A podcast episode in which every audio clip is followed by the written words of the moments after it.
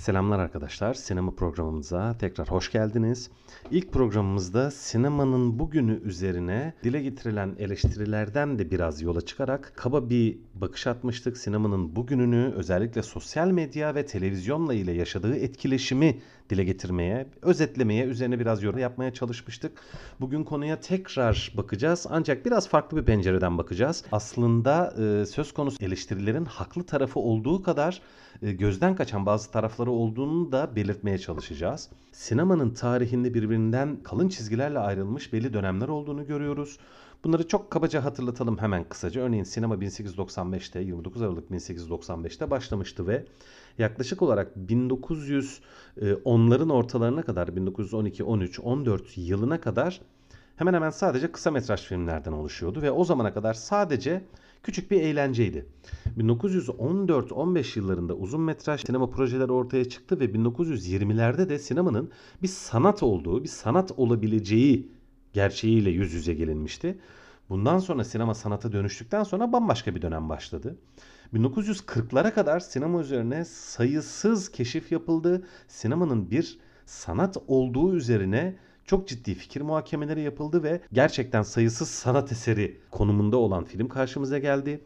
1940'lardan sonra bir sanat olduğu tescillenen ve kabul edilen sinema dünyanın çeşitli ülkelerindeki sosyokültürel, ekonomik, politik durumları özetleyen çok değerli projelere imza atıldı.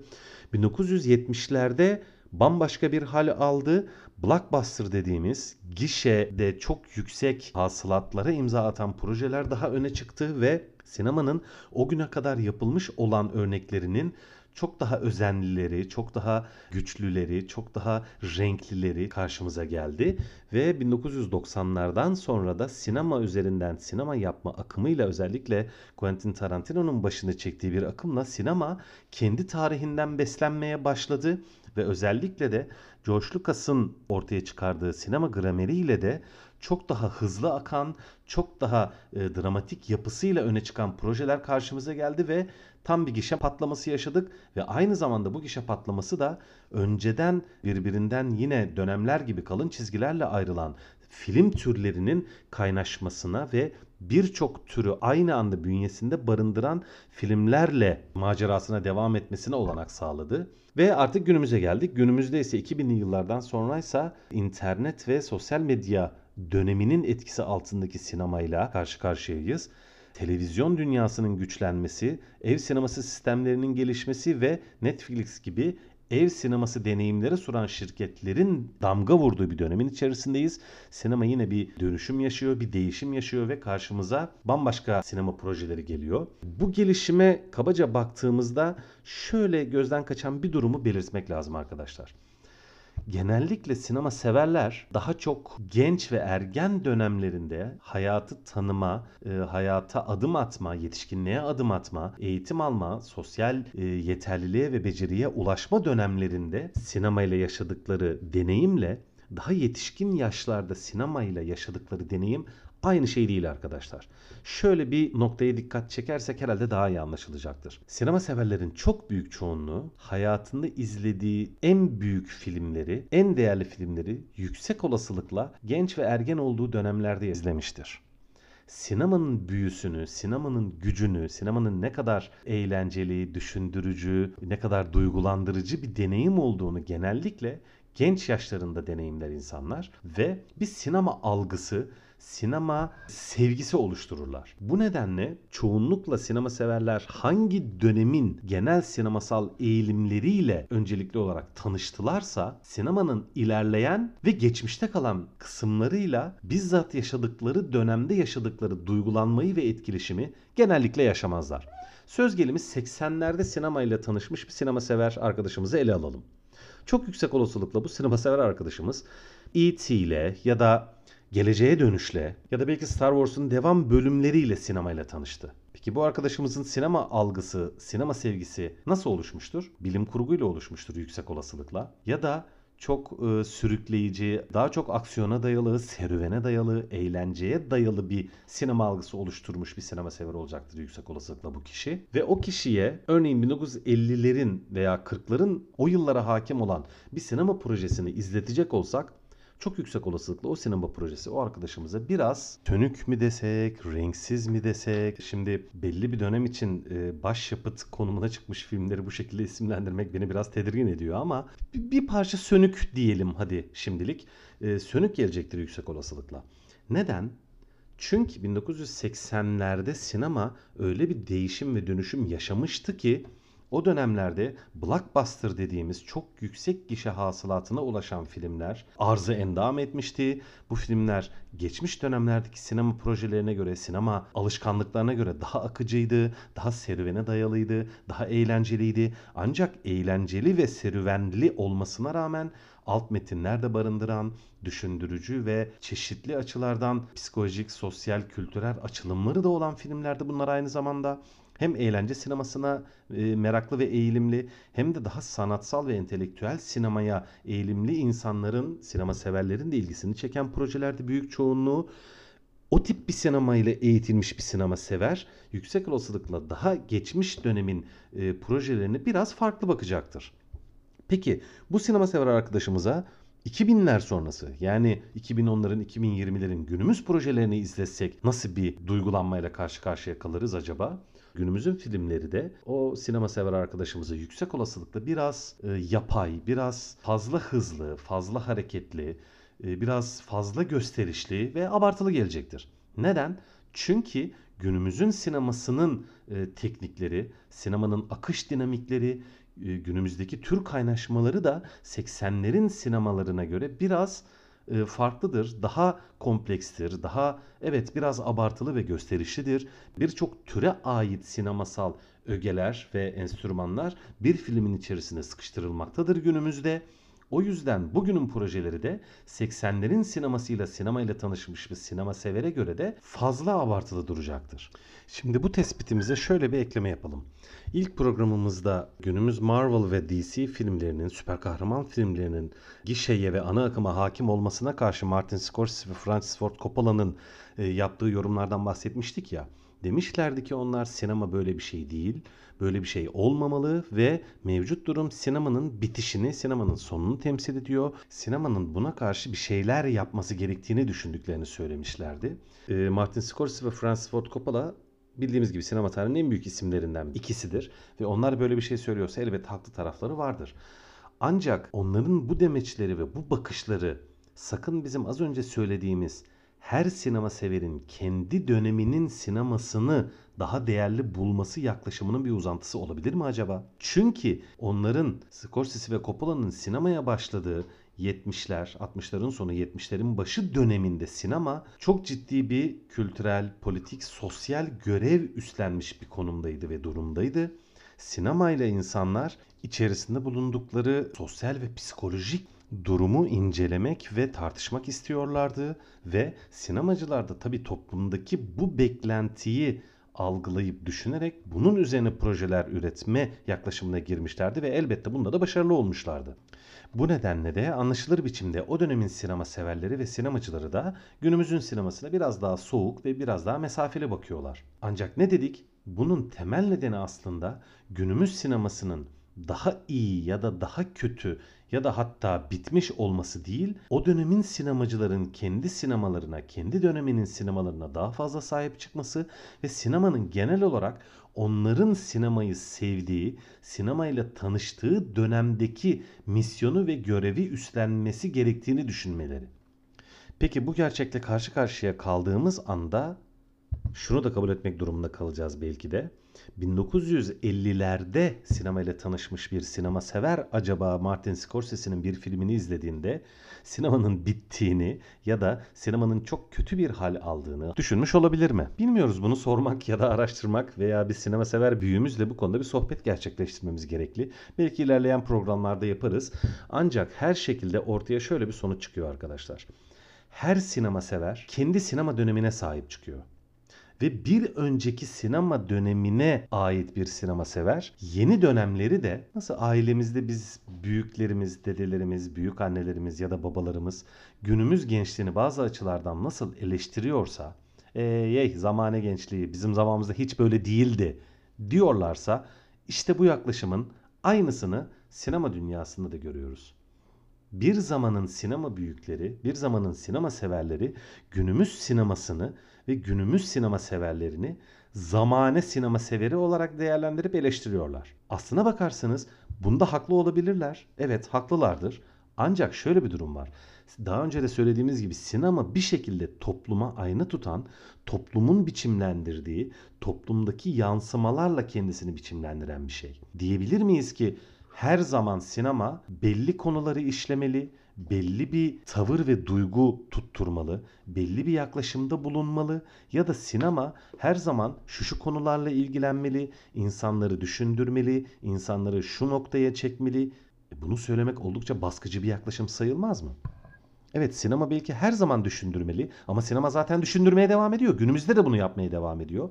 Ancak sinemanın farklı görevleri ve farklı becerileri tıpkı sinema tarihinde olduğu gibi zaman zaman öne çıkıyor, zaman zaman arka plana düşüyor. 2000'li yıllardan sonra İlk programımızda kabaca bahsettiğimiz gibi televizyonun ve sosyal medyanın etkisiyle sinemanın politik, toplumun kültürel ve sosyal durumunu inceleyen, araştıran, hatta yargılayan tarafı arka plana düştü. Çünkü bunu televizyonda ve sosyal medyada çok yoğun biçimde hepimiz yapıyoruz. Sinemanın bu inceleyici tarafına çok da fazla ihtiyacımız kalmadı. Buna rağmen elbette böyle filmler yapılıyor ancak eskisi kadar örneğin 50'lerdeki kadar, 70'lerdeki kadar, 40'lardaki kadar, 60'lardaki kadar bu filmler ilgi görmüyor. Bu kadar fazla konuşulmuyorlar. Bu kadar yüksek kişi hasılatına ulaşmıyorlar. Daha kötü değiller, daha özensiz değiller bu tip projeler ancak toplumdaki söz konusu ihtiyaç o yıllardaki ihtiyaç kadar değil. Çünkü o ihtiyacı karşılayan ilk programımızda bundan bahsetmiştik. Başka kanallar var ve başka mecralar var ve o kanallar mecralar gayet etkililer, gayet güçlüler, gayet özenliler ve sinemanın bu ihtiyacı karşılama becerisine göre çok daha kolay, basit, ucuz olanaklar sağlıyorlar bize. Tüm bu tespitlerin üzerine bir de şu konuyu eklememiz gerekli arkadaşlar. Sinema elbette e, burada eleştirdiğimiz ya da Martin Scorsese ve Francis Ford Coppola'nın eleştirdiğini söylediğimiz ana akım sinemadan ibaret değil elbette. Ve sinemanın küresel anlamda lokomotifi konumunda olan ülkeleri düşünürsek zaman zaman bu ülkelerin bazılarının daha ön plana çıktığı, bazılarının daha arka plana düştüğünü söyleyebiliriz. Ancak gişe sineması anlamında lokomotif her zaman Hollywood'tu tabii ki. Bunu belirtmeye gerek yok. Ve Hollywood'da genel olarak daha çok geniş kitleleri düşündürme ya da eğitme ya da iletişim ihtiyacını, dünyayı tanıma ihtiyacını karşılama misyonunu üstlendiğini iddia edemeyiz. Hollywood'un hemen hemen her zaman esas merakı, esas isteği ve talebi para kazanmaktır. Tabi hangi alanda daha çok para kazanacaksa onun üzerine film yapmaktan da kaçınmaz Hollywood. Ancak ekonomik olarak her zaman sinema dünyasının lokomotifi konumundaysa buna karşılık e, işin sanatsal, avantgard, e, işte politik, sosyal, e, iletişim hatta etnik egzotik tarafını da farklı ülkeler zaman zaman e, üstlenmiştir ve sırtlanmıştır. Farklı ülkeler avantgard sinemanın ya da genel gişe sineması ya da geniş kitlelere hitap eden eğlence sineması dışındaki alanların lokomotifi olma durumuna gelmiştir. Son yıllarda özellikle İran sineması ve Kore sineması bu konuda gerçekten rakip tanımaz seviyeye geldi. Ama bu ülkelerin belki 20 yıl önce ya da 40 yıl önce ya da 60 yıl önce sinema dünyasında önemli bir konuma sahip olduklarını iddia etmek biraz zor olur. Buradan hareketle diyebiliriz ki nasıl sinema tarihinde bazı dönemlerde belli film türleri ön plana çıkmış, bazı film türleri arka plana düşmüş. Nasıl yine sinema tarihinde sinemanın farklı becerileri zaman zaman ön plana çıkmış ya da arka plana düşmüşse sinemanın lokomotifi olan ülkeler de zaman zaman değişiyor. Bazı ülkelerin sinemaları ön plana çıkıyor, daha çok konuşuluyor, daha değerli projeler ortaya çıkarıyorlar. Ama bazı ülkeler bazı dönemlerde yüksek oranda önem sunmuş ülkeler bazı dönemlerde biraz daha arka plana düşüyorlar. Yakın zamanda Hollywood e, ekonomik olarak yine küresel sinema dünyasının lokomotifi konumunda olsa da kuramsal anlamda, sanatsal ya da avantgard anlamda ya da para kazanmanın dışındaki e, tüm sinema alanları için söyleyelim bunu. Hollywood bir parça daha arka plana düşmüş olabilir. Bunda da pek de şaşılacak bir şey yoktur. Çünkü 125 yıllık 2020 yılı itibariyle 125 yıllık bir maratonda e, bir ülkenin sinemasının sürekli e, lider konumda olması, sürekli en baskın konumda olması da beklenemez belki de. Öyle ya da böyle sinema bir şekilde devam ediyor. Bir şekilde bizim hayatımıza damga vurmaya, bizim e, hayal gücümüzü ya da duygusal dünyamızı etkilemeye devam ediyor. Ve bu noktada şöyle bir tespit yaparak sohbetimizi bugünlük sonlandıralım. Sinema kendisinden çok daha büyük bir bütünün bir parçası arkadaşlar. Nedir bu büyük bütün? Tabii ki hem anlatı dünyası, hem sanat dünyası, hem de eğlence dünyası. Tek bir dünyadan da bahsedemeyiz. Sinema hem sanat dünyasının bir parçası, diğer sanat dallarıyla, edebiyatla, müzikle, şiirle, mimariyle ciddi biçimde etkileşim halinde hem de başka mecralarda anlatılara imza atan, örneğin televizyon dünyasının anlatıları, haber, belgesel, hatta reklam ya da video klip gibi anlatı biçimleriyle sıkı ilişki içerisinde ve aynı zamanda da eğlence, alışveriş dünyasıyla da sıkı ilişki içerisinde. Ee, bildiğimiz gibi yakın zamanda sinema salonları mesela çoğunlukla alışveriş merkezlerinin içerisinde bulunuyor. Bu bile sinemanın dinamiklerini etkileyen ilginç ve belki de beklenmedik bir durum. Yani her şekilde sinemanın bugün için ulaştığı noktayı değerlendirmeye çalışacak olursak etkileştiği tüm diğer mecraları da göz önüne almak zorundayız. Ve bunu yaptığımızda da şöyle bir sonuca ulaşıyoruz ki Sinema isterse bizi eğlendirsin ki eğlendiriyor. İsterse bizi düşündürsün ki düşündürüyor. Ve isterse bizi duygulandırsın ki tabii ki bunu da yapıyor. Ve hatta hepimiz rahatlıkla bunu söyleyebiliriz ki bunların ikisini ya da üçünü bir arada bize yaşatan çok sayıda sinema eseri de var. Bunların hangisini bize yaşatırsa ve deneyimletirse deneyimletsin herhangi bir film türünün, sinemanın herhangi bir alanının da çok iyi örnekleri, başyapıtları, elbette daha önemsiz ya da çok da özensiz örnekleri de sürekli karşımıza geliyor. Mesele sinemanın içerisinde bulunduğu konjüktürel durumda hangi alanının daha fazla öne çıktığı ve hangi alanının bir parça daha arka plana düştüğü. Aslında ortada bir tahterevalli var. Ortada bir denge durumu var. Bu denge durumu dünyanın durumuna göre bir sağ tarafa bir sol tarafa kayıyor. Ancak her şekilde iki tarafın da iyi ve kötü örnekleri var. Önemli olan bizim daha çok eleştirdiğimiz ve eleştirmeye değer bulduğumuz şey ana akım dediğimiz çok geniş kitleleri etkisi altına alan sinemanın ne yöne evrildiği oluyor. Aslında bu çok da doğru bir bakış değil. Çünkü dediğim gibi sinema bundan ibaret değil. Entelektüel sinema bazen ön plana çıkıyor, bazen gişe sineması öne çıkıyor.